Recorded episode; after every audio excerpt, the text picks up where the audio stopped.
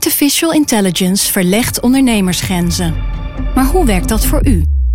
Als transformatiepartner helpt Capgemini u kansen te ontdekken en benutten, zodat we uw ideeën tot leven brengen. Vorm uw eigen mogelijkheden met generative AI. Ontdek meer op capgemini.nl/slash AI. Capgemini. Get the future you want. Een collega eh, van ons die had jaren geleden een keer een, eh, een afspraak met Lodewijk Asscher. En dat was in het Lloyd Hotel in Amsterdam, waar hij eigenlijk altijd zijn afspraken doet. eh, als het buiten kantoortijd is. En het was laat op de avond. En ze hadden een uurtje gepraat. En na afloop eh, ging de collega in kwestie naar huis. En die zag daar in de verte Lodewijk Asscher staan. En die stond bij een stoplicht dat op rood stond. En er was verder in de wijde omgeving geen auto, geen fietser, niemand te bekennen. Maar toch stond Lodewijk Asscher te wachten tot de stoplicht op groen ging. En eh, ik vind het altijd een geweldige anekdote. Het vertelt namelijk wie Lodewijk Asscher is. Lodewijk Asscher is iemand die zich nooit zal laten betrappen op dat hij iets stouts of ondeugends of eh, tegen de regels doet. Hij is altijd eh, netjes, voorkomend en, ehm, en hij houdt zich aan de regels. Beetje saai. Ja, ja perfect eigenlijk. Dat is het, eh, dat is het. Hij wil overkomen als, eh, ja, als, de, als, als de perfecte politicus.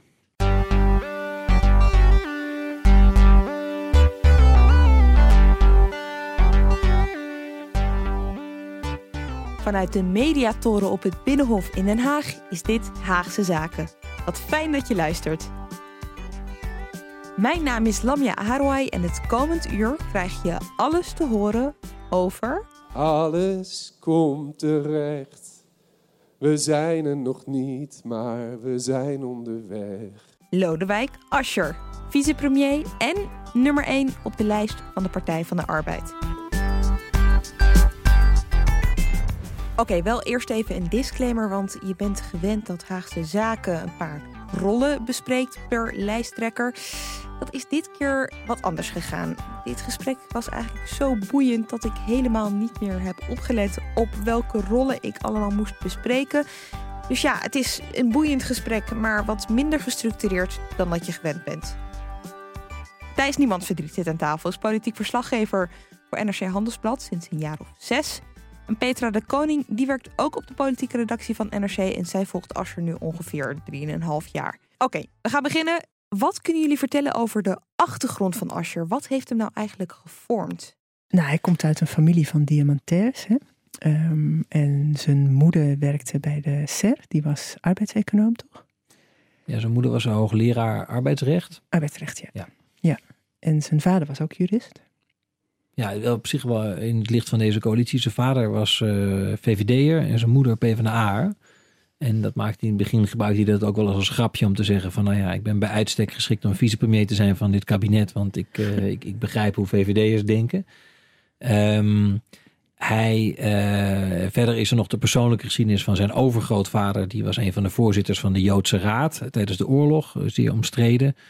Ehm, eh, daar, daar, daar praat hij ook al met enige regelmaat over. Eh, de indruk die ik altijd krijg is dat, zijn, is dat zijn moeder misschien nog wel vormender geweest is voor hem als politicus dan zijn, dan, dan zijn vader. Hij heeft het vaker over zijn Hij heeft moeder. het vaak over zijn moeder. En Ja. zijn moeder was iemand die ook, eh, die heeft in de Sociaal-Economische Raad gezeten eh, vanaf eind jaren tachtig al. En dat is iemand die, die, die, ja, die goed wist hoe, de- hoe, hoe Den Haag werkte, hoe de politiek werkte, die contacten had. Ik denk dat hij van zijn moeder ontzettend veel opge, eh, opgestoken heeft eh, in al die tijd. Want weten jullie hoe is hij terechtgekomen in de PvdA? Hij vertelt zelf altijd de anekdote over ehm, eh, dat hij zich, hij heeft zich op een gegeven moment gewoon aangemeld voor de kandidatenlijst. Dat, dan, dat leek hem wel wat. En toen, was er een, toen was er een avondje waarop de kandidatenlijst definitief werd vastgesteld. En dat vond plaats in een van een broeierig eh, achteraf eh, zaaltje. En hij ging daarheen met een vriend. En eh, toen eh, de voorzitter van de, van de, van de kandidatenlijstcommissie was eh Eberhard van der Laan. Oh. Later burgemeester van Amsterdam. Toen nog gewoon ja, ook advocaat en een soort van... Ja, toch een beetje sterke man van de PvdA in Amsterdam. En er, was, er is altijd enorm gedonder en gedoe bij, die, bij dat soort avondjes. En dan willen allemaal mensen hoog op de lijst. En die proberen elkaars plek af te pakken. en toen op een gegeven moment stond er ook iemand op. Er was al heel veel gedoe geweest. En die wilde de plek van Ascher. En eh, op dat moment hamerde eh, Van der Laan af. En die zei, we gaan het gewoon zo doen, punt. En eh, daarmee was het klaar. En had hij zijn verkiesbare plek op de, op de kandidatenlijst. En twee jaar later was hij fractievoorzitter. En begon zijn, zijn, zijn opgang. Dus, Dus dat hij- hamertje van Van der Dat Laan hamertje heeft van der Laan heeft hij, veel, heeft, hij, heeft hij veel aan te danken gehad. De werkelijkheid is dat, dat Asscher eigenlijk zijn hele leven al beroepspoliticus is. Eh, dus hij heeft eh, eigenlijk, hij is, hij, is, hij, hij is jurist, hij is, hij is gepromoveerd. Eh, hij gaf les aan de universiteit en ja, toen is hij raadslid geworden voor de Partij van de Arbeid, later wethouder. Dus op die paar jaar op de universiteit na heeft hij eigenlijk nooit echt, echte echt maatschappelijke ervaring opgedaan. Of in het bedrijfsleven of waar dan ook. In die zin is hij een echte klassieke carrièrepoliticus. Bij zijn basis in de partij zit ook in Amsterdam. Hè? Daar hadden we het van tevoren ook over. Ja. Hè? Dat- Als je het over de partij hebt en hoe die daar ligt, dan is Amsterdam is echt zijn basis. Dus die paar mensen die daar zitten, Felix Rottenberg, Eberhard van der Laan, Cohen. Cohen. Ja. Die hebben hem groot gemaakt. Dat hij is in de zomer van 2012 is hij ehm, eh, langs gegaan. Toen, toen was hij gevraagd door Samson eh, om vicepremier te worden en naar Den Haag te komen. Dat was dus nog voor de verkiezingen, maar dus nog voordat duidelijk werd dat de PvdA daar, een, daar heel groot zou worden. En toen is hij, is hij gaan praten met zijn, met zijn vier politieke leermeesters. Eh, en, dat waren Eberhard van der Laan, Felix Rottenberg, Job Cohen en Wouter Bos. Wouter Bos heeft hem in een vroeg stadium ook eh, in Amsterdam gezien en gedacht dat is een jongen die kan wat. En heeft hem toen ook uitgenodigd met een enige regelmaat om af en toe eens een speech voor hem te schrijven. Met name als het ging over nou ja, een beetje juridische zaken, internationaal recht, eh, dat, soort, dat, dat soort kwesties. En hij is die mannen allemaal eh, afgegaan en eh, die zeiden allemaal doen. Ehm, ik, ik heb het niet bevestigd gekregen van allemaal, maar het zou me niks verbazen als hij bij alle vier weer is langs geweest vorige zomer, toen hij moest besluiten of, Ja, hij, ja. of hij lijsttrekker wilde worden. Ja, precies. Want is dat nog steeds zijn kliekje waar hij op, op terugvalt af en toe? Ja, dat zijn mensen met wie hij nog steeds, met wie hij nog steeds veel praat. Ja, daar heeft hij misschien ook wel behoefte aan, want hij is tegenwoordig natuurlijk ook lijsttrekker van de partij. En gaat de partij onder Lodewijk Asscher ideologisch nou echt een heel andere koers varen dan onder Samson? Ik denk dat het ehm, dat, dat, dat de accenten anders zullen zijn. ehm, dat het op, op, op een aantal punten wel anders zal zijn dan zoals het onder Diederik Samson was. Maar dat zie je eigenlijk nu al. Dat is namelijk eh, de koers zal sociaal-economisch linkser zijn. Dus met meer nadruk op eh, eh, zekerheden op de, op de arbeidsmarkt, vaste contracten. belang van de vakbonden, hè, beter contact met, met, met- vakbonden. En tegelijkertijd strenger en wat rechtser zal zijn op het gebied van integratie, immigratie. Ook ehm, eh, als het op die thema's als arbeidsmarkt aankomt, ook wat een, een tikje eurosceptischer. Hè? Pro-Europa, maar wel eh, sommige dingen in Europa moeten echt anders. Daar waar Samson eigenlijk veel eh, ja, onvoorwaardelijker eh, achter Europa stond. Ehm, dus ik, ik verwacht dat hij die lijnen, die heeft hij nu al ingezet. En die zal hij ongetwijfeld als fractievoorzitter ook ehm, ehm, vasthouden. Samson was heel erg Europees gericht. Weet je, die, die zweefde daar een beetje boven. En, en ik denk dat als je veel meer het over Nederland zal gaan hebben. En ehm, zich daarop richten. Want neem me even mee. eh, bij het schrijven van eh, het verkiezingsprogramma, is hij daarbij betrokken? Nou, hij heeft het wel, hij heeft, het op, hij heeft erbij betrokken geweest. Hij heeft erover meegedacht, zeker. Hij is, heeft het ook aangescherpt laten over de arbeidsmigratie. Want dat is al jarenlang zijn thema. Hij vindt dat de eh, Poolse bouwvakkers hier eh, worden onderbetaald en eh, concurrent zijn van de Nederlandse eh, bouwvakkers. De vrachtwagenchauffeurs. Je ziet er Precies, altijd hij- wel een vrachtwagen. Hij maakt er al jaren een, een punt van. Dus dat is ook veel scherper in het eh, verkiezingsprogramma gekomen. Met het idee, want hij wist toen natuurlijk nog niet zeker dat hij de kar moest gaan trekken bij de PvdA. Nee, hij heeft dat gedaan nadat hij tot lijsttrekker gekozen is. Dus hij was, uh, normaal hebben ze dat in, bij de PvdA allemaal heel formeel uit elkaar getrokken. Hè. Er is een commissie die maakt het verkiezingsprogramma. En dan is er een, in er een lijsttrekker en die mag wel een beetje invloed uitoefenen. Maar dat moet dan allemaal een beetje achter de schermen gebeuren. Uh, heeft gewoon gezegd nadat hij het roer overgenomen had van Samson. En ik wilde dat op deze punten anders gaat. En daar heeft hij zijn zin ook in gekregen. Maar hij had zich van tevoren al wel ook bemoeid met de kandidatenlijst. Hij heeft ook mensen naar voren geschoven die op de lijst moesten. Terwijl die toen nog lang geen lijsttrekker was was Gijs van Dijk op nummer drie, nee, nu op vijf. Die kwam er uh, door hem. Weet je, dat heeft hij geregeld. Ja, er zijn nog een paar andere kandidaten die ook op, op voorspraak van hem ook hoger op de lijst zijn gekomen. Uh, zo iemand als Keklik Yücel, dat is een niet heel bekend Kamerlid, uh, maar iemand die eigenlijk um, binnen de PvdA een beetje het symbool is vrij symbolisch is geworden in de hele afsplitsing met Denk. Hè. Zij, zij was een soort haatfiguur voor, die, voor de twee jongens van Denk. Uh, zij heeft uh, ook later verteld dat ze zich geïntimideerd voelde. En uh, zij staat juist voor een hele seculiere koers. Juist niet mensen aanspreken op hun etnische achtergrond, maar op algemene vrijheden. En zij werd altijd erg gesteund door Asscher. Ook in de tijd dat hij, omdat hij als minister ook over integratie ging. En hij heeft voor haar ook een warm woordje gedaan dat zij wat hoger op de lijst zou komen dan aanvankelijk de bedoeling was. Ja, want het zijn inderdaad, je had het er net al over Thijs, het zijn wel thema's waar hij zich uh, op uh, profileert, waar hij zich inderdaad ook wel, waar hij wat in verschilt met Samsung. In ieder geval, hij spreekt zich er meer over uit, die thema's als integratie en zo. Maar um, hoe komt dat? Waarom denkt hij er zo anders over? Ik denk dat het ook een kwestie is van, um, uh, van, van interesse. Uh, het is gewoon een onderwerp wat hem meer, meer aan het hart gaat dan, uh, dan, dan Samson, denk ik. Samson komt, is toch een man die, die, kwam, die kwam uit de milieubeweging. Die was bezig met, met vergroening, met grote, grote vraagstukken. Uh, Ascher is iemand die um, ook als wethouder in Amsterdam gezien heeft um, hoe ingewikkeld het kan zijn. hij, hij begon zijn carrière in de gemeenteraad in Amsterdam in 2002. Dat was uh, nou ja, het jaar dat Fortuin uh, doorbrak. Uh, een paar maanden daarvoor werd hij voor het eerst gekozen in de gemeenteraad. twee jaar later volgde de moord op Van Gogh. nou ja, dat leidde tot ontzettend veel spanningen. en nog eens twee jaar later werd hij voor het eerst wethouder. Ik denk dat hij heel erg gezien heeft van dit is een, dit is een thema dat, dat, dat de PvdA niet langer uh, links kan laten liggen. Iedereen is een beetje vergeten dat er in die tijd toch heel erg een, een stemming was in de PvdA. Ook na Fortuin. Want uh, iedereen denkt dat de PvdA na Fortuin ineens enorm uh, rechts op integratie geworden is. Maar ook daarna was er een hele grote stroming in de PvdA die zei van... Thee drinken. Hè, we moeten gaan praten. Ja, god, en er zijn problemen in Turkse, Marokkaanse gemeenschap. Maar... Hmm, en, um, en hij is daar, hij heeft daar eigenlijk altijd um, uh, dezelfde aanpak in gehad, ook in Amsterdam als in Den Haag. Aan de ene kant heeft hij altijd heel erg gezegd, iedereen hoort erbij. Aan de andere kant is hij, heeft hij altijd problemen uh, ja, duidelijker, duidelijker benoemd. En uh, dat is ook in deze kabinetsperiode een keer helemaal misgegaan. En dat heeft ook geleid tot het vertrek van de heren Kuzu en Usturk uit de PvdA-fractie en de opkomst van Denk. Uh, die de PvdA mogelijk wel eens pijn zou kunnen gaan doen in de, even, bij de verkiezingen. Want even kort wat er gebeurde. Uh, er was een onderzoek, Motivaction. Asher bracht dat naar buiten. De onderzoekers van Motivaction wisten nog niet of dat het moment was om het naar buiten te brengen.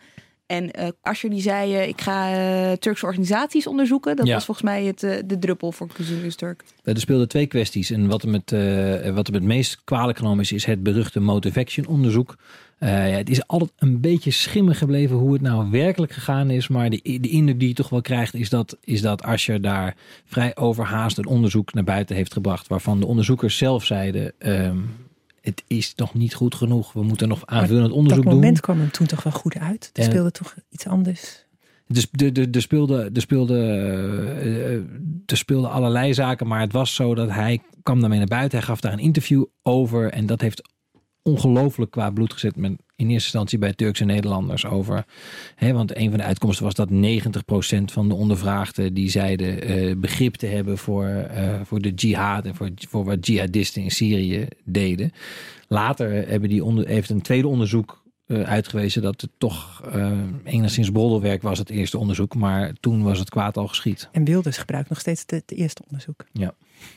Om zijn punt te maken. Kus en werden boos, stapte uit de partij. En begonnen voor zichzelf. En uh, in dat soort kringen is Ascher ook echt een soort haatfiguur. Dus uh, niet zozeer Samson, Ascher heeft het gedaan. Die staat voor uh, ja, stemming, stemmingmakerij tegen mensen met een etnische uh, achtergrond. Um, en ehm, nou ja, het, het, zou mij, het zou mij niks verbazen. Sommige peilingen wijzen daar ook wel op. Als, als echt in die kringen echt heel veel mensen straks op Denk gaan stemmen. En heel veel mensen met Turks-Marokkaanse achtergrond zoiets hebben van... hier zijn gasten die echt voor ons staan en de, de, PvdA heeft ons verraden. Denk je dat onder zijn periode nog stemmen gehaald worden in, in de moskee... zoals dat tot nu toe altijd va vaak wel ging bij de PvdA? Ja, het zou wel kunnen. Ja. Want uh, hij, heeft natuurlijk niet, hij gaat niet over wat ze bij lokale afdelingen doen. Dus er zal ongetwijfeld nog een keer iets opduiken van uh, mensen die in een moskee met een, uh, met een flyer staan of met of uh, of, of, of, of, stempassen komen, uh, komen vragen. Maar hij is iemand die, die, die, die, die weinig op heeft met dat, beetje dat, dat, dat klassieke achterbandenken. wat in de PvdA jarenlang bestaan heeft. Hè? Dat van je ziet ook dat ze een hele duidelijke keuze gemaakt hebben op de kandidaatlijst. Dat is ook heel interessant. De PvdA hinkte altijd een beetje op twee gedachten. Van ze hadden dan progressieve uh, Turkse, Marokkaanse Nederlanders. Maar ook eigenlijk hele conservatieve types. En dat werd dan een beetje met de mantel der liefde bedekt. Want die mensen die brachten stemmen mee. Als je nu naar de PvdA-kandidatenlijst kijkt, zijn alle kandidaten... Uh, die zijn gewoon van, uh, uh, die zijn gewoon heel duidelijk seculier, progressief. Er zit niemand meer tussen waarvan later zal blijken dat hij bijvoorbeeld bij de verkiezingen in Turkije op de AK-partij stemt. Maar dat gebeurde onder regie van Asscher. Ja, formeel niet natuurlijk. Het was een kandidatencommissie. Nee, maar jullie kunnen mij vertellen wat er informeel gebeurde. Spekman is hier ook belangrijk in geweest. Die, die, heeft, die, kijk, die hebben zijn zich gewoon kapot geschrokken van wat er gebeurd is daar. En die hebben gewoon besloten, hier moet een grens getrokken worden. Ja, ik denk trouwens dat je bij Ascher als denker ook nog uh, moet noemen dat hij over de robotisering is begonnen een paar jaar geleden. Weet je, hij heeft daar echt een thema van gemaakt in Nederland. Ik denk wel dat je dat op zijn konto kunt schrijven. En hij heeft niet um, gewaarschuwd voor, weet je, hij heeft niet gezegd het is heel erg robotisering, wat het kost banen. Maar hij heeft gezegd, we moeten wel, we moeten het omarmen, maar we moeten wel ook eraan denken dat het extreme ongelijkheid kan veroorzaken. En hij heeft daar wel een redelijk genuanceerd verhaal over gehouden. En ik denk wel dat het toen, toen is er veel losgekomen over die nieuwe technologie en wat dat betekent. Ik Pakken de robots onze banen af? Precies, ja. ja. En ik denk wel dat, dat hij daarmee een, de, de angst um, heeft aangevoeld die bij mensen heerst. Ik denk dat hij dat wel heel bewust gedaan heeft. Dat hij op zoek is gegaan naar die Waarom thema's. Dan? Nou, het zijn thema's die uh, uh, mensen misschien wel uh, naar andere partijen zoals de PVV jagen. Weet je, als je bang bent voor wat de toekomst brengt. Een soort ongrijpbare angst voor je baan of voor je toekomst. Ja, maar dan is het toch niet zo slim dat hij daarmee komt? Als hij weet dat het mensen wegjaagt? Nee, nee, nee. Ik bedoel dat hij het als thema heeft benoemd en heeft gezegd: we moeten opletten wat dat gaat veroorzaken op de arbeidsmarkt. Weet je wel, wat dat, wat dat betekent. En daar moeten we op vooruit lopen. We moeten mensen zekerheid bieden. En moeten ervoor zorgen dat uh, dat niet alleen maar de, zeg, de eigenaren van bedrijven nog meer verdienen, dat het ten koste van de werknemers gaat. We moeten daar een oplossing voor bedenken. Dus hij heeft het thema naar voren gebracht en ook meteen de oplossing aangedragen. Daar, ja, dat we daar in elk geval met z'n allen over gaan nadenken. Ik denk wel dat hij dat uh, heel bewust heeft gedaan.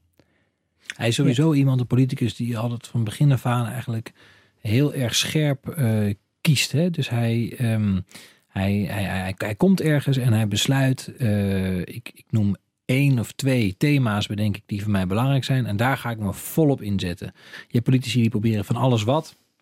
Als je was in zijn beginjaren, hoor je ook wel van mensen die toen met hem in de gemeenteraad in Amsterdam zaten. Ook iemand die een beetje eh, hier wat had en daar wat had. En uh, hij, is, hij is eigenlijk op een gegeven moment heeft hij echt geleerd van ik kies één thema en daar focus ik helemaal op. Als hij als wethouder had hij zich tot twee dingen ten doel gesteld. Hij wilde de, het basisonderwijs verbeteren in Amsterdam. En hij wilde iets doen uh, met de wallen. Uh, hij wilde grote, grote schoonmaak houden op de wallen. Nou, dat waren de twee grote thema's waar hij voortdurend op doorgegaan is. Toen is hij minister geworden. Toen heeft hij besloten arbeidsmarkt, integratie. Uh, nou ja, ook al een beetje ouderschapsverlof. Hè? Dus meer zorg voor vaders. En dat zijn twee thema's waar hij heel consequent eigenlijk Ja. al die jaren aan vastgehouden is. Geen ruis, geen andere dingen, zich niet laten trekken in andere discussies. Gewoon hele herkenbare, twee hele herkenbare verhalen die bij hem horen. Wat het wel een beetje saai maakt als je hem volgt als journalist natuurlijk. Want elk optreden gaat over robotisering. Elk optreden gaat over de fatsoenlijke arbeidsmarkt. Weet je, dat is... Hij is niet van zijn stuk te brengen. Hij heeft echt zijn eigen, zijn eigen eilandje. Ja, je, en het, weet je, na, na drie keer weet je het wel. En dan eh, gaat het er toch weer over. Maar, eh, nou ja, het is wel slim. Ik bedoel, mensen horen dat niet steeds. Dus eh, Ja. als je een rol vast bent, is dat En als we heel veel kijken naar de partij, is dan eh, Lodewijk Asscher een van de denkers binnen de partij? Of is hij een van de uitvoerders? Nou, hij is, ehm, hij is wel iemand die, die een heel duidelijk eh, idee heeft gehad over waar hij met sociaaldemocratie heen wil. Hij is ook voordat hij minister werd, was hij eh, voorzitter van de Wiardi Beckman Stichting. Dat is eigenlijk de, hè, wetenschappelijk bureau van de partij. Ehm, en eh, in die tijd zijn ze ook met een project begonnen. Dat heette Van Waarde. Dat is, nou ja, dat zullen veel kiezers zullen dat niet weten. Maar dat is intern, wordt daar ontzettend vaak over gepraat als een soort nieuwe richting. Eh, Nog steeds. eh, nog steeds. Dat is ook weer de basis geweest voor het verkiezingsprogramma. Hè. Meer zekerheden eh, eh, ehm, eh, voor, voor, voor mensen op de arbeidsmarkt is daar bijvoorbeeld een hele belangrijke pijler in. Ook een soort correctie eigenlijk is het ook van dat de PvdA in de jaren negentig en later ook nog in de ogen van veel PvdA's toch te veel meegegaan is in neoliberale denken van de VVD. Hij is daar een van de drijvende krachten achter geweest. Samson vond dat helemaal niks. Die, ehm, als je die daar ook over sprak, dan, ja, dan die vond het dan maar een matig interessante eh, studie, dat hele Van Waarde project. Die wilde gewoon zaken doen. Die was een pragmaticus. Die wilde, die wilde met die, dat kabinet met de VVD tot een succes maken. Eh, het kwam ook op een vervelend moment. Het kwam ook uit een, eh, een half jaar nadat het kabinet van start gegaan was. Ehm, ehm, en, maar Ars heeft zich daar altijd heel erg nadrukkelijk achter gesteld. En die is daar ook eigenlijk. En die heeft daar ook wel een zeker gezag mee verworven in de partij. Dus ik zou zeker wel willen zeggen dat hij, dat hij, dat hij, wel, een, dat hij wel een denker is in de Partij van de Arbeid. Ja, dat denk ik ook wel. Oké, En een uitvoerder ook. Ik bedoel, eh, hij heeft het ook als minister steeds eh, uitgedragen. En, eh, ja, maar heeft hij als minister per se de idealen van de partij uitgedragen? nee, maar wel steeds de thema's die hij had bedacht, die heel waardegedreven zijn. Zoals de arbeidsmarkt. Ja, dat is misschien ook wel goed om te zeggen. Ja. Dat hij is natuurlijk heel. De Asscher is als politicus heel erg een, een, een moralist. Hè? En dat vindt hij ook absoluut geen scheldwoord. Het is natuurlijk een hele generatie PvdA'ers geweest, zeker die vanuit de jaren 70 en 80, voor wie moralisme een soort, ja, een beetje, was een beetje iets vies CDA-achtigs van eh, hè, normen en waarden, bé, een belerend vingertje en, eh, en eh, elkaar de les lezen. En hij is eigenlijk gaan zeggen, daar heeft hij bijvoorbeeld in Jeroen Dijsselbloem, heeft hij daarin ook een eh, strijdmakker. Die vindt dat ook sociaaldemocraten moeten normeren, moeten ook zeggen wat goed is en wat slecht is. En eh, daar kwam bijvoorbeeld dat project vandaan wat hij als wethouder had om op de wallen, de wallen schoon te vegen in, in Amsterdam. Hoeveel er uiteindelijk van terecht gekomen is, dat, daar, kun je over discussiëren. Maar in ieder geval, hij is voor normerende eh, politiek. En dat maakt hem ook heel anders dan, dan Samson. Die, eh, eh, die, die, die, die had daar heel weinig mee. En tegelijk is het ook een beetje zijn zwakte. Weet je wel, als minister wil hij dat de, de arbeidsmarkt goed functioneert, dat mensen, ehm, dat mensen in vaste dienst worden genomen. Dus hij is ook de minister van de goede bedoelingen. Weet je, een, een werkgever moet zijn mensen goed behandelen. Maar door die wet kunnen werkgevers ook beslissen om dat juist niet te doen en mensen na een paar contracten te ontslaan. Weet je, dus je kunt wel zeggen hoe het zou moeten. En dat kun je dan in een wet gieten, maar daarmee gebeurt het nog niet. Ja, grappig genoeg geeft hem dat ook weer. Ik, er zit ook een gek soort overeenkomst tussen hem en Mark Rutte daar. Mark Rutte is op een gegeven moment ook over normen en waarden begonnen.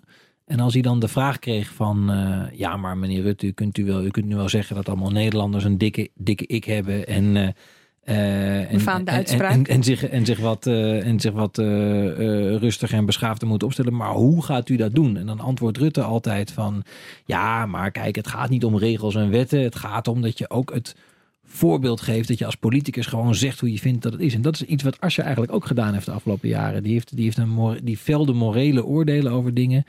Eh, terwijl hij zich tegelijkertijd daar niet wilde laten vastpinnen op, ja, op, het, op het hoe dan daarvan. Het waren meer een soort eh, filosofische uitspraken of zo.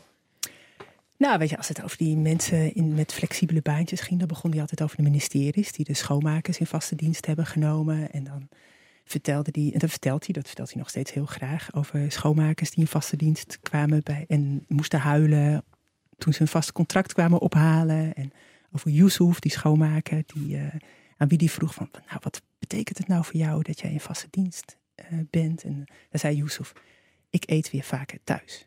Dit vind ik heel interessant aan hem. Hij is heel erg de politicus die altijd een voorbeeld wil noemen.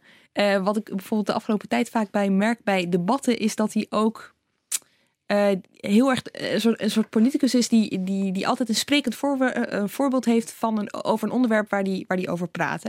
Uh, bij het RTL-debat laatst ging het bijvoorbeeld over uh, integratie. En dan noemt hij, die haalt hij altijd uit de kast, Khadija Arib en Ahmed Abu Talib. Dat intrigeert mij heel erg. Ja, hij heeft heel veel van die voorbeelden. Hij, hij doet natuurlijk werkbezoeken, hij komt mensen tegen, hij nodigt ze uit. En dan, weet je, dan, en heel veel van die verhalen komen steeds weer terug. Dat doen wel meer politici, denk ik. Ik bedoel, dat is niet alleen maar heel bijzonder aan hem misschien. Maar hij heeft gewoon een paar van die vaste, die een beetje emotioneel geladen zijn. Van zo hoort het. En uh, dit en ook dit heb ik voor elkaar gekregen. Want Yusuf is hem dankbaar. Hij heeft ja, een paar van die voorbeelden. Ja, hij is gewoon hij is een, hij is een politicus met een, met een nogal een handige antenne voor, voor PR. Dus hij uh, vindt het ook niet erg om bepaalde zaken gewoon eens een keer of drie met een paar maanden tussenpozen weer opnieuw, uh, deed hij als minister ook in opnieuw in een persbericht of op Twitter onder de aandacht te brengen.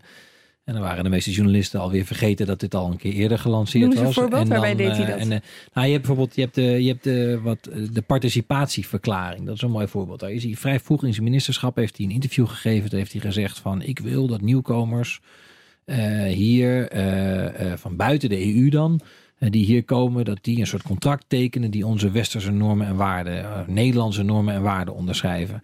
Ja, dat sta, daar kreeg hij veel kritiek op. En dat bleek ook allemaal veel ingewikkelder te liggen dan, dan ik dacht. Want uh, dus ja, dat, ja, dat bleek dan via de gemeente te moeten. Dus toen moesten er eerst pilots komen in gemeentes. En uh, nou, het duurde allemaal eindeloos. Maar toch eens in zoveel tijd kwam er weer kwam het, het weer eens terug, want dan was er weer een stapje geboekt. En dan kwam er weer dat hele verhaal. Het heet inmiddels participatieverklaring, geen contract meer. En uh, wat schetst mijn verbazing, op de allerlaatste Kamerdag, uh, uh, vorige week donderdag van deze Tweede Kamer, kwam er toch nog even een persbericht vanuit Sociale Zaken dat de Tweede Kamer akkoord gegaan was met de participatieverklaring. Maar neem me dan eventjes mee. Hoe krijgt hij dat dan ook achter de schermen? Want hè, dat, dat toont misschien ook hoe behendig hij is als politicus. Hoe krijgt hij dat dan voor elkaar? Een idee waarvan ja, dat eigenlijk heel erg afgezwakt is te, in vergelijking met hoe hij daarmee begon. En dan krijg je toch voor elkaar dat de dat de meerderheid in de Tweede Kamer zegt: goed idee. Ja, het, is, het, het zit hem voor een heel groot deel in de, in, in de herhaling. Gewoon. Uh, en het zit hem ook in dat hij, dat hij iemand is die een, um, uh, bij de mensen bij wie die werkt een enorm soort uh, loyaliteit weet te, um, weet te kweken. Dat vind ik ook een opmerkelijk verschil altijd tussen Samson en Asher. Um, kijk, Samson was iemand die, die, die, die, die stond bekend omdat hij nou ja, dat hij ook wel eens gewoon heel onhebbelijk kon zijn. En die had een team waarmee hij de verkiezingen inging in 2012. En die mensen die gingen destijds in die campagne voor hem door het vuur. En die zijn eigenlijk één voor één vertrokken in de jaren daarna. Nou, Asje heeft een team van mensen die eigenlijk al voor hem werken sinds hij wethouder was in Amsterdam. Die zijn allemaal meegekomen naar Den Haag. En die werken nog steeds voor hem. Ze worden ook wel elastiekjes genoemd, toch? Ja, de, ja, de elastiekjes noemen mensen ze. Of de, de bondkraag, dat is dan dat is dan weer een benaming die, wat, die al wat langer bestaat. Um, en, um, en, bijvoorbeeld ook uh, de voorlichter die hij kreeg, de woordvoerder die hij kreeg op het ministerie van Sociale Zaken, is iemand die daar al langer werkte. Uh, en die zei ook al uh, vrij snel nadat Asje daar, daar was komen werken, die zei die wel eens van het is zo geweldig om voor deze man te werken. Dus hij weet iets, iets los te maken bij die mensen om hem heen. Wat is iets? Wat is het? Hoe, ja, een ongelooflijke loyaliteit. Nou, ze geloven ook in dat hij het echt het allerbeste wil. En dat, ja, ze maken een soort van heilige van hem ook wel. Hè? Dat hij, ja, dat, Echt waar? Dat hij weet hoe het moet. Dat gevoel krijg ik heel ja, vaak. Ik, ik denk dat, dat bij Asher, tegenstelling tot veel andere politici, dat er een heel groot verschil is tussen de Asher achter de schermen uh, en de Asher die je op de, op de bühne ziet. bijvoorbeeld van Rutte is bekend dat hij, dat hij eigenlijk als je met hem eh, eh, achterkamertje zit eh, voor een overleg, is hij eigenlijk ook een beetje de Rutte die wij allemaal op televisie zien. Van eh, ja, leuk joh, gaan we doen, K- klap op de schouder, gezellig, eh, vlot. eh, Altijd enthousiast. sfeer creëren, mensen comfort geven. Asscher is iemand die, eh, waarvan in ieder geval de mensen die dichtbij hem staan en veel met hem zeggen van ja, je, je, je, je kan ontzettend, eh, hij is ontzettend grappig. Eh, hij, heeft, hij heeft een groot gevoel voor humor. Hij kan mensen goed. Hij kan enorm. Hij staat bekend om zijn imitaties van, eh, van, van andere politici. Wie doet er goed? Ja, Rutte kan hij, kan, kan hij goed imiteren. Hij, hij, kan ook, hij, hij is ook van de vilijne grappen. Hè? Bijvoorbeeld de heren Kuzu en Usturk. Die werden door Asscher en zijn medewerkers... al voordat ze de PvdA-fractie verlieten... werden ze eh, de Twin Turks genoemd. Serieus? Eh, Ook voordat ja, ze dat, ging. dat, ging, dat ging daarvoor al rond. Ehm, en, eh, maar goed, als je eh, eenmaal voor een camera of in de Tweede Kamer... komt hij toch altijd heel... ja, Gereserveerd. en, en, en netjes en beleefd en een beetje stijfjes over. Maar dat is een hele andere Asscher dan veel mensen, dan mensen die met hem werken eh, kennen. Als je daar komt voor een interview en hij heeft er van tevoren een bespreking gehad met zijn mensen, dan zit hij ook zo half op een bureau, weet je wel. En die mensen zitten dan zo om hem heen. Dat is heel informeel. Ik denk dat hij, ja, dat, dat allemaal meespeelt met hoe ze daar met elkaar omgaan. We zijn geen psychologen of zo, maar ik, ik, ik vind het wel interessant om, om, om, te weten waarom dat verschil. Is dat dan uit een, uit een soort van angst dat je een, een misstap maakt, of dat je iets verkeerd zegt, of dat je overkomt als te jolig? Nou, Thijs, jij hebt hem ook wel eens een, eh, een diesel genoemd. Hè? Hij is ook heel erg. Het kost tijd voordat hij ergens op gang komt en voordat hij ergens in zit. En zo.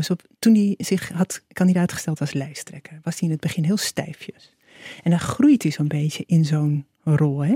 Misschien, uit, misschien dat hij niet meteen weet hoe dat dan is. Maar dat, hij ziet het denk ik wel als een rol en hij, hij komt dan op gang daarin. Ja, hij, hij moet niet. eh, hij, hij, hij, hij, staat er, hij staat er nooit meteen. Hij is iemand die, zeker in het begin, denk ik ook gericht is op eh, nou ja, geen uitglijders maken.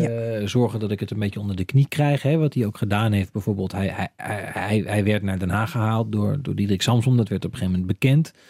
Eh, rond de tijd dat het regeerakkoord van Rutte 2 werd gesloten. En toen ja, er ontstond toch in de PvdA ook toch wel een soort van ja, euf- euforische sfeer van eh Asscher, de Wonderboy, komt uit Amsterdam naar Den Haag. En toen was er een, was er een congres. Ehm, en daar wilde die, eh, en daar gingen ze hem een applaus geven, staande ovatie. En eh, toen even later op die dag eh, kwam hij weer op het podium, gingen ze hem weer een ovatie geven. En toen maakte hij een, een dempend gebaar naar de zaal van jongens, zo is het genoeg geweest. En hij gaf in die tijd ook een interview waarin hij zei, ik ga jullie teleurstellen. Dus hij is zich heel erg bewust van ja, dat, dat de verwachtingen niet te hoog moeten zijn. Het en klinkt dan, bijna onzeker dit. Nee, het is, niet, het is Nou, geen hij was onzekerheid. daar- nee, dat is het niet. Hij was daar ook wel trots op hoor, dat hij dat toen heeft gezegd. Want hij, hij heeft dat heel vaak eh, nog eens gezegd. Weet je, dat hij dat toen al had aangekondigd. Dus nee, onzekerheid is dat niet, denk ik. Ik denk niet dat hij zo, zo Nee. onzeker is. Ik denk dat hij Nee. heel goed weet wat hij, wat, hij, Ja. wat, wat hij kan. Maar dat hij ook goed gezien heeft om zich heen. Ook bijvoorbeeld bij Job Cohen. Hè, die toch zijn eerste grote politieke mentor was. Burgemeester van Amsterdam. Hij heeft gezien hoe Cohen eh, ja, onderuit gegaan is op, toen hij... Werd ook ehm, binnengehaald als toen- iemand die de boel Toen hij ook als, eh, als eh, Yes We Cohen naar Den Haag kwam. En eh, de verwachtingen zo hoog gespannen waren. Met een paar misstappen was de hele, ja, eh, wa- wa- was de hele ballon leeggelopen. Dus ik denk dat hij zich heel bewust is van... eh, jongens, even verwachtingen dempen. En dan kan ik daarna alsnog eh, in mijn rol groeien. Maar al die jaren is blijven spelen dat hij misschien eh, lijsttrekker zou worden bij deze verkiezingen. Hè, dat is al die jaren is dat aan hem gevraagd. Wil jij Ja. de volgende PvdA-leider worden? Ja, het, het- dat, dat vond ik wel grappig. Een stuk van jou, eh, Thijs. Hè? eh, la- ik, ik, ik citeer gewoon even een stukje. Hij moest hartelijk lachen om het idee dat hij ooit lijsttrekker zou worden in Amsterdam. Hij werd lijsttrekker. Hij verzekerde herhaaldelijk dat hij niet naar Den Haag wilde. Hij ging naar Den Haag. En sinds hij vicepremier is, zegt hij dat hij geen politiek leider van de PvdA wil worden. Dus een stuk van oktober 2015.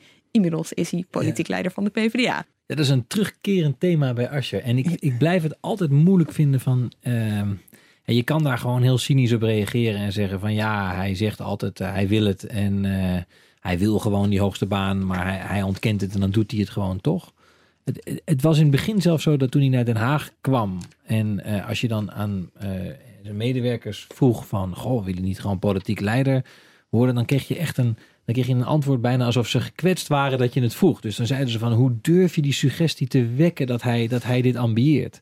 Dus ik, ik denk ergens ook wel dat hij misschien ook wel echt, eh, zeker in het begin, dat hij hier zat gedacht heeft van, nou, weet je, ik, dat hoeft voor mij echt niet. Laat ik eerst nou maar zorgen dat ik die, dat ik die, dat ik die klus van vicepremier zo goed mogelijk doe. Uh, maar ik denk ook dat hij uh, op een gegeven moment wel is gaan denken toen dat een, inmiddels aardig op de rails was van hé, hey, ik zou dat ook nog wel eens beter en anders kunnen dan Samsung het doet. Maar wij hadden twee jaar geleden een interview samen met hem. En uh, nou ja, toen wilde hij het nog steeds niet natuurlijk. Maar hij praatte erover op een manier waardoor ik dacht, is er iets veranderd in hoe je dat ziet? Dus dat vroeg ik. Zeg je dat nu anders dan eerder? En toen werd hij heel boos. Zei, wat vind je zelf van deze manier van uh, journalistiek bedrijven? En uh, oh, wow. wat denk je dan dat ik ga zeggen? En dat, volgens mij ik denk nog steeds dat er toen al iets aan de gang was. Weet je, dat hij het wel in zijn hoofd kreeg en het anders ging formuleren. Ik weet niet meer precies wat dat was. Weet je nog wat het. Dat ja, hij... het, het, was rond de tijd uh, dat het, uh, het ging over dat hij dan. Hij zei iets in de trant van dat hij, als het moeilijk werd, dat hij dan toch altijd verantwoordelijkheid zou nemen. Het was rondom de provinciale statenverkiezingen oh, ja, ja. Uh, van 2015, ja. die echt een ramp waren voor ik de PvdA. Zeggen, het ging wel slecht. Later begreep ik ook dat er in die tijd ook in de partijtop gepraat is over een soort van B-scenario van wat als Samsung dit gewoon niet kan dragen. Deze, want dat was inmiddels de derde tussentijdse verkiezingsnederlaag op een rij. Uh, en dat er toen gepraat is over van, nou ja, stel hij kan het echt niet meer uh, dragen, hij moet weg. Uh, nou ja, neemt Lodewijk het dan over. Maar ja, toen heeft hij ook gezegd, ja, dan neem ik het over. Maar toen ja. werd zijn ja. naam dus al genoemd. Dus er waren geen opties. Het was gewoon, neemt Lodewijk het over. Ja, dat was toen ook het meest logisch, want dat was de vicepremier. En, ja, ja, de... maar hij heeft zich achter de schermen toen ook bereid verklaard om dat te doen, als het nodig was.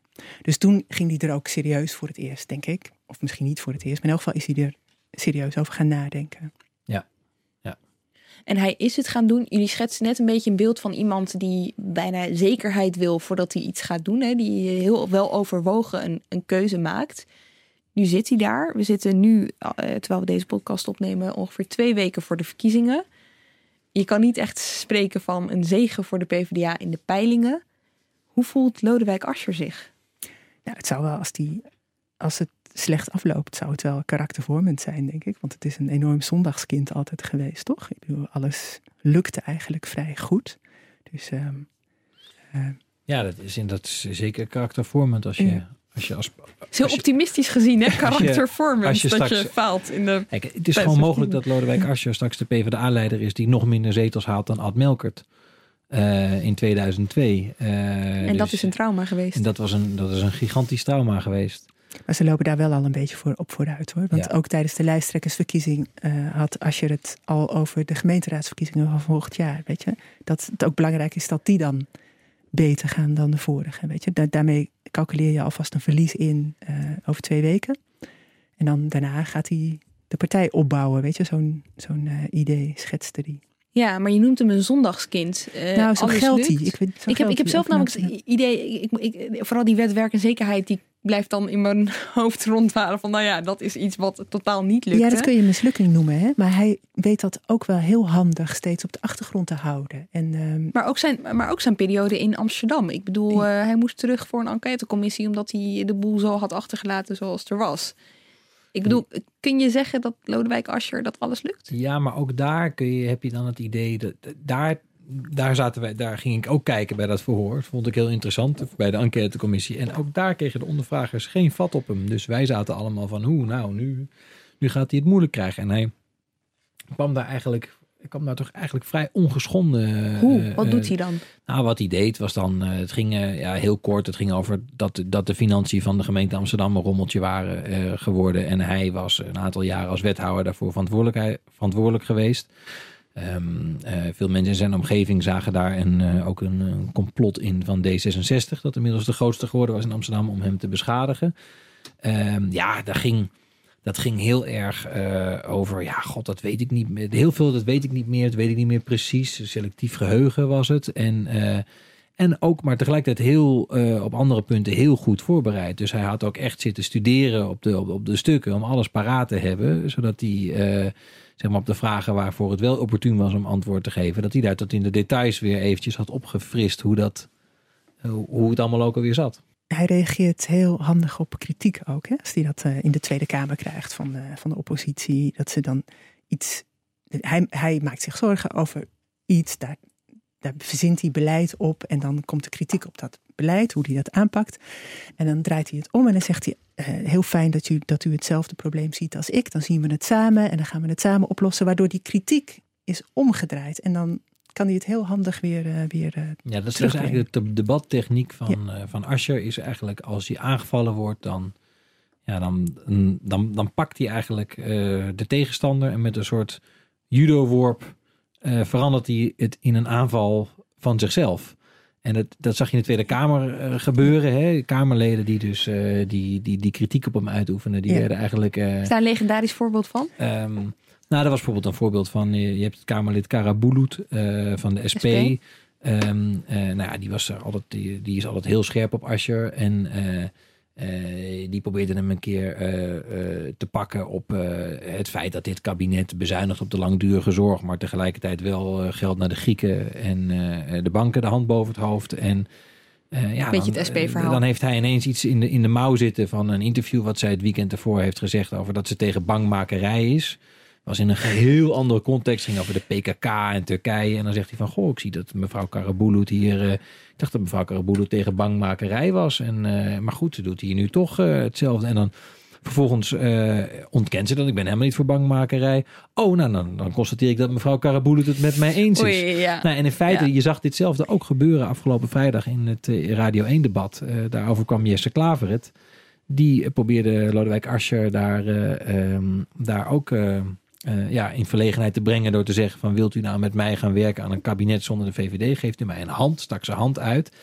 Ja, Asscher bleef daar stoïcijn zitten en zei vervolgens eh, en, en draaide het vervolgens om in de zwakte van, eh, van Jesse Klaver. Hij zei namelijk, ja, dat is een soort trucje wat u hier nu doet. Dus u bent hier stratego aan het spelen. Ik wil het hebben over de inhoud.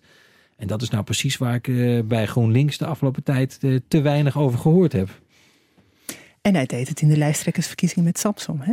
Uh, Samson hij had Samson een paar keer uh, behoorlijk vals aangevallen. De laatste, bij het laatste debat dacht Samson, nu ga ik het een keer terug doen. Dus hij begon over die arbeidsmigratie, waar als je steeds een punt van had gemaakt. En hij zei, waarom, waarom kom je daar nu pas mee? Het is al jaren een probleem. Kijk, dat is geen terechte kritiek, want als je deed dat al jaren, maar dat, als je reageerde daar niet op die manier op. Hij zei, uh, wat, jij, jij vindt het dus ook een probleem, die arbeidsmigratie. Dan gaan we het samen oplossen. En eerst had je het over loze beloften die ik in Europa aan het uh, uh, ophalen ja. was. Ja. En nu vind je het toch een probleem. Geweldig. Dat, dat, dat, valt me ook nog wel op. Hè? Als je kijkt naar zijn manier van campagne voeren nu. Hij was tijdens die lijsttrekkersverkiezing, kon hij inderdaad nou, af en toe best wel smerig campagne voeren. Hè? Hij, was echt, hij ging er hard, uh, hard tegenin. En nu probeert hij juist heel erg als een soort van redelijk alternatief uh, naar voren te treden. Is dat, is, eh, welke ja, gedachte zit daarachter? Dat is ja, daar is, ja. daar, is, daar, is, daar is gewoon, daar, daar zit een idee achter. Het is overigens niet volgens mij een bewuste strategie van uh, hard, uh, uh, hard en gemeen om Diederik Samson te verslaan en vervolgens de grote verzoener in de, in de algemene verkiezingscampagne. Misschien is dat. Ze hebben zich wel gerealiseerd dat ze het stevig moesten doen, wilde als je het van Samson winnen. Maar ze hebben ook gemerkt dat er vervolgens niet goed, dat het ook kwaad bloed zette bij veel mensen. Dus dat ze ook dat ze ook verhalen partij? terugkregen binnen de partij, maar ook uh, he, hij zat bijvoorbeeld bij, zat hij bij Rick Nieman op de bank bij, bij Wakker Nederland een aantal weken geleden op zondag. En uh, toen zat daar de schrijver Kluun en die begon een heel verhaal te vertellen van ja, maar meneer Ascher, ik, ik, ik geloofde het gewoon niet dat u daar zo ineens zo meneer Samson zo hard ging aanvallen. Want dat, dat is toch niet de Lodewijk Ascher die ik ken. Dat heeft ze wel dwars gezeten van ja, wat is nou de geloofwaardige, wat is nou de geloofwaardige Ascher? De Ascher die, die hard erin gaat of de Ascher die zich als een soort ja, gedegen, betrouwbare bestuurder boven de partijen en neerzet? En volgens mij hebben we ook wel geconcludeerd dat dat laatste, uh, dat dat meer bij hem past dan dat echte harde, uh, dat echte harde aanvallen. Dus de komende dat, twee weken kunnen we een, uh, een milde Ascher verwachten? Bestuurlijke, een beetje afstandelijke. Maar ja, je kunt je afvragen of die daarmee de kiezers die de PvdA hebben verlaten terugwint. Ja, en af en toe maakt hij toch een uitgeleider. Hij noemde Jesse Klaver laatst die jongen. Dat is ja, natuurlijk ook nee, ja, maar, maar dat is wel nee, maar dat is dan dat is Ja. natuurlijk heel bewust. Ja. Dat is gewoon uh, Hem dat- neerzetten als een onervaren jonge tegenstander. Eh, Samson, die stond natuurlijk eh, met die befaamde voorpagina van de Telegraaf. Die had af en toe een woedeaanval, kunnen we wel zeggen. Ehm, hoe is dat bij Asher binnen de partij echt? Samson is iemand die, uh, die, die, is, die is emotioneel, die is, die, die is fel, die is snel. Asher is heel um, ja, secundair eigenlijk. Dus die moet altijd even heeft even tijd nodig. Die wil, die wil, die wil, die wil nadenken. Die legt niet meteen. Die houdt vaak in onderhandelingen of in, of in discussies. Die heel, heel lang houdt hij zijn mond. En dan op het eind komt hij met iets. En dat kan uh, zijn omdat hij gewoon ja, iemand is die even voor zichzelf moet bedenken wat hij, wat hij vindt. Maar dat geloof ik niet helemaal, omdat hij namelijk als je hem in debatten ziet, kan hij wel razendsnel denken en razendsnel schakelen en reageren. Veel mensen, uh, hoor je ook van VVD'ers terug bijvoorbeeld, vinden hem vaak heel calculerend. In, zeker als, hij, als je met hem in discussie bent of als je met hem onderhandelt. Uh, die zeggen van ja, kijk, Samson was het zo, die reageerde fel, maar je wist precies wat je aan hem had. En uh, dan zei hij op een gegeven moment ook van, hè, dan, dan had je een afspraak met hem en afspraak is afspraak. En Asher is, on, is ongrijpbaarder, is, is ja, die legt niet, le, legt, legt niet alles op tafel, zeggen, zeggen veel mensen die met hem zaken doen in de politiek. In die zin is hij ook nooit helemaal uh, mee gaan doen met het, uh, met het Haagse spel. In de zin van dat hij. Hè, wij, ma wij maken als, uh, als journalisten maken we geregeld reconstructies van dingen. En dan praat je met alle hoofdrolspelers. En, en, en Asje, die doet daar eigenlijk zelden aan mee. Die zegt dan altijd van ja, dat laat ik graag aan de anderen. En ik ga niet hier proberen om dit hele verhaal te beïnvloeden uh, met, met mijn verhaal. Ik laat het aan de anderen. We hadden destijds een verhaal in NRC vlak na de gemeenteraadsverkiezingen. Uh, toen uh, verloor de PvdA en de PvdA bevielen uit het college. D66 werd, werd daar de, de aanvoerder van het nieuwe college. En Asscher had geprobeerd, hadden wij van een aantal goede bronnen bevestigd gekregen... Um, als je had geprobeerd daar toch door vanuit Den Haag nog zijn invloed uit te oefenen en te zorgen dat D66 misschien toch nog buiten het college zou vallen en de PvdA alsnog in het college kwam. Uh, nou ja, hij wilde daar hij wilde daar niet aan meewerken. We hebben dat ook onder het stuk gezet. Uh, ja, hij, hij, vond dat niet, uh, hij vond dat niet gepast. Blijkbaar is zijn inschatting daar dan toch van... Hè, je maakt de afweging van kan ik nog, kan ik nog meedoen? Uh, weet je, dan, dan, dan, dan praat ik off the record, maar dan kan ik misschien toch die journalisten nog een beetje de, mijn kant op, op trekken. Of ik, ja, of, ik, of ik hou mijn mond, maar dan kan ik wel claimen van ik, ik, ik sta hierboven, ik doe niet mee aan dit soort Haagse gedoetjes. Ja, maar dat, het is ook een vorm van afstand houden die hij ook in zijn eigen partij doet. Hè? Weet je, het is geen partijman. Op congressen is hij altijd zo snel mogelijk weg. Ik bedoel, hij gaat voordat hij lijsttrekker werd, ging hij niet heel graag naar uh, avondjes of bijeenkomsten. Dus het is ook voortdurend afstand houden. Maar hoe denkt de partij dan daarover? Dus hij is zelf dus niet iemand die, uh, die blijft hangen en uh, die, die heel erg van, weet je, die, die een mensenmens is. Zo komt hij in ieder geval ja. niet over tot nu toe. Maar hoe, hoe denkt de partij daarover? Zitten, zijn ze daar blij mee? Ja, het is meer, ik denk dat het eerder een vorm, dat ze, dat ze gewoon respect hebben voor, ja, voor, voor, voor, voor, zijn, voor hoe uh, voor zijn politieke ambacht, voor hoe, hij dingen van elkaar krijgt. Ik denk dat het, het, is, het is geen liefde. Je zag, je zag bij Samsung, zag je eigenlijk, uh, zeker in die lijsttrekkerstrijd, zag je op het eind een soort van... Hè, daar hadden mensen toch het gevoel van, er waren mensen verschrikkelijk met hem geclashed al die jaren, maar ze vonden het toch fantastisch dat hij langs al die zaaltjes ging en iedere avond weer ergens stond, van, van, van Alkmaar tot, uh, tot Emmen, om, om, om stemmen te winnen. En en uiteindelijk uh, kozen ze Asher, denk ik, niet omdat ze uh, hem sympathieker vonden, maar omdat ze het gevoel hadden van, nou ja, dit is wel de man waarmee we nog uh, bij de verkiezingen de meeste kans maken om, nou ja, niet een verschrikkelijke nederlaag tegemoet te gaan. En het is omgekeerd ook. Ik denk, ik, ik denk ook dat Asher is ook, is ook eigenlijk helemaal geen liefhebber van het gemiddelde PvdA-lid. Hij vindt, hij heeft zeker in het verleden ook wel eens dingen gezegd over ja, dat die PvdA'ers toch een beetje, toch een beetje humorloze, drammerige mensen vindt. Uh, hij, heeft, heeft, ooit een toespraak gehouden, lang geleden, vlak, nog voordat hij in Amsterdam politiek leider werd. En waarin hij zei dat, uh, dat PvdA'ers lijden aan het Atlas-complex. Dus dat ze, de, dat ze altijd maar de wereld op hun schouders torsen.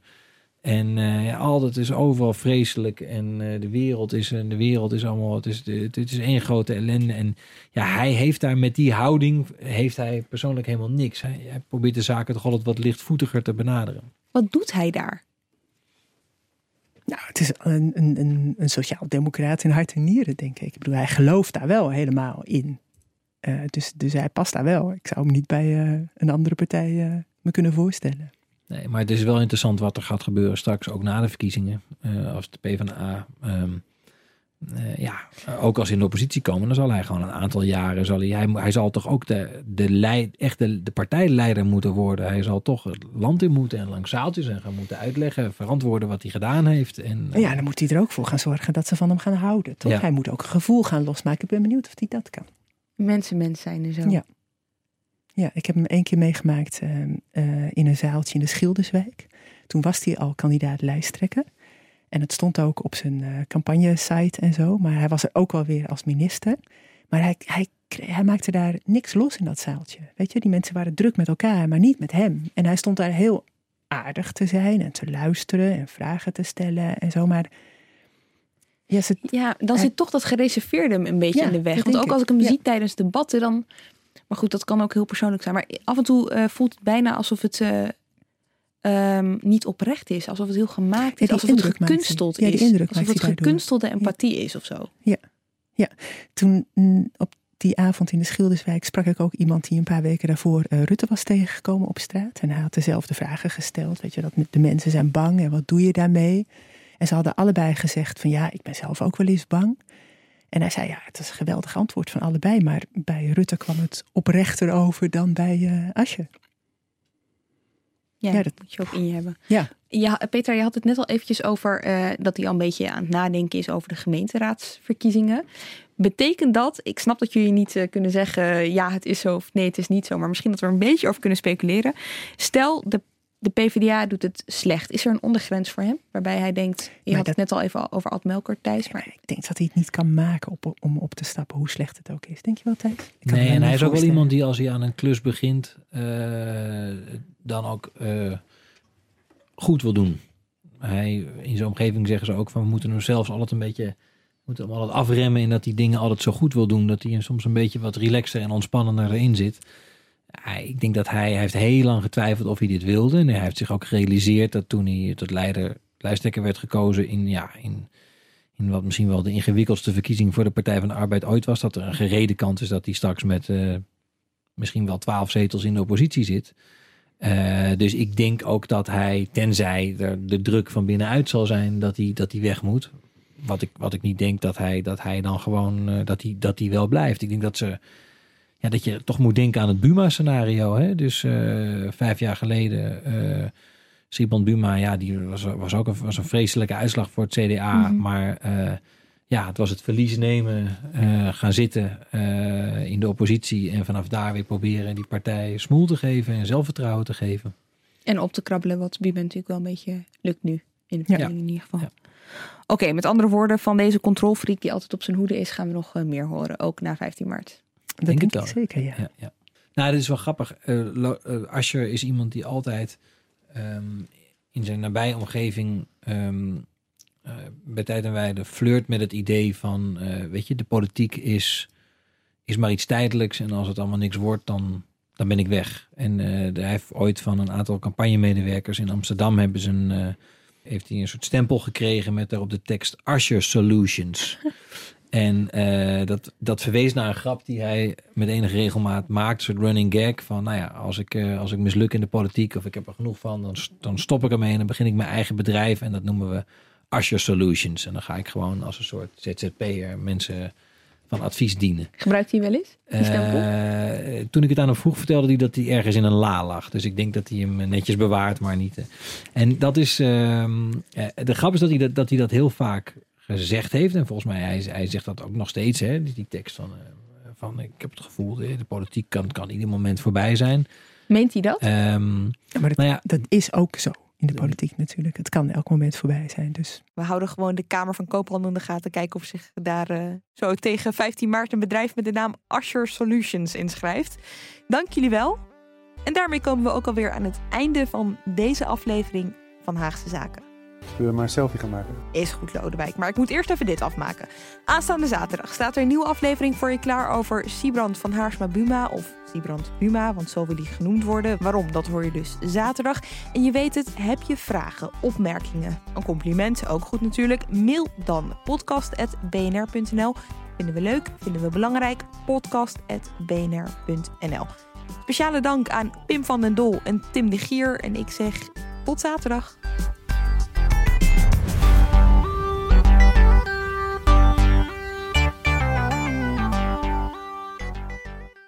Ik ben al jaren ondernemer, maar waar moet ik eigenlijk allemaal aan denken nu ik voor het eerst personeel wil aannemen, voor het eerst ga importeren of voor het eerst een bedrijfslocatie zoek? Weet wat je wel of niet moet doen bij zaken die je voor het eerst oppakt.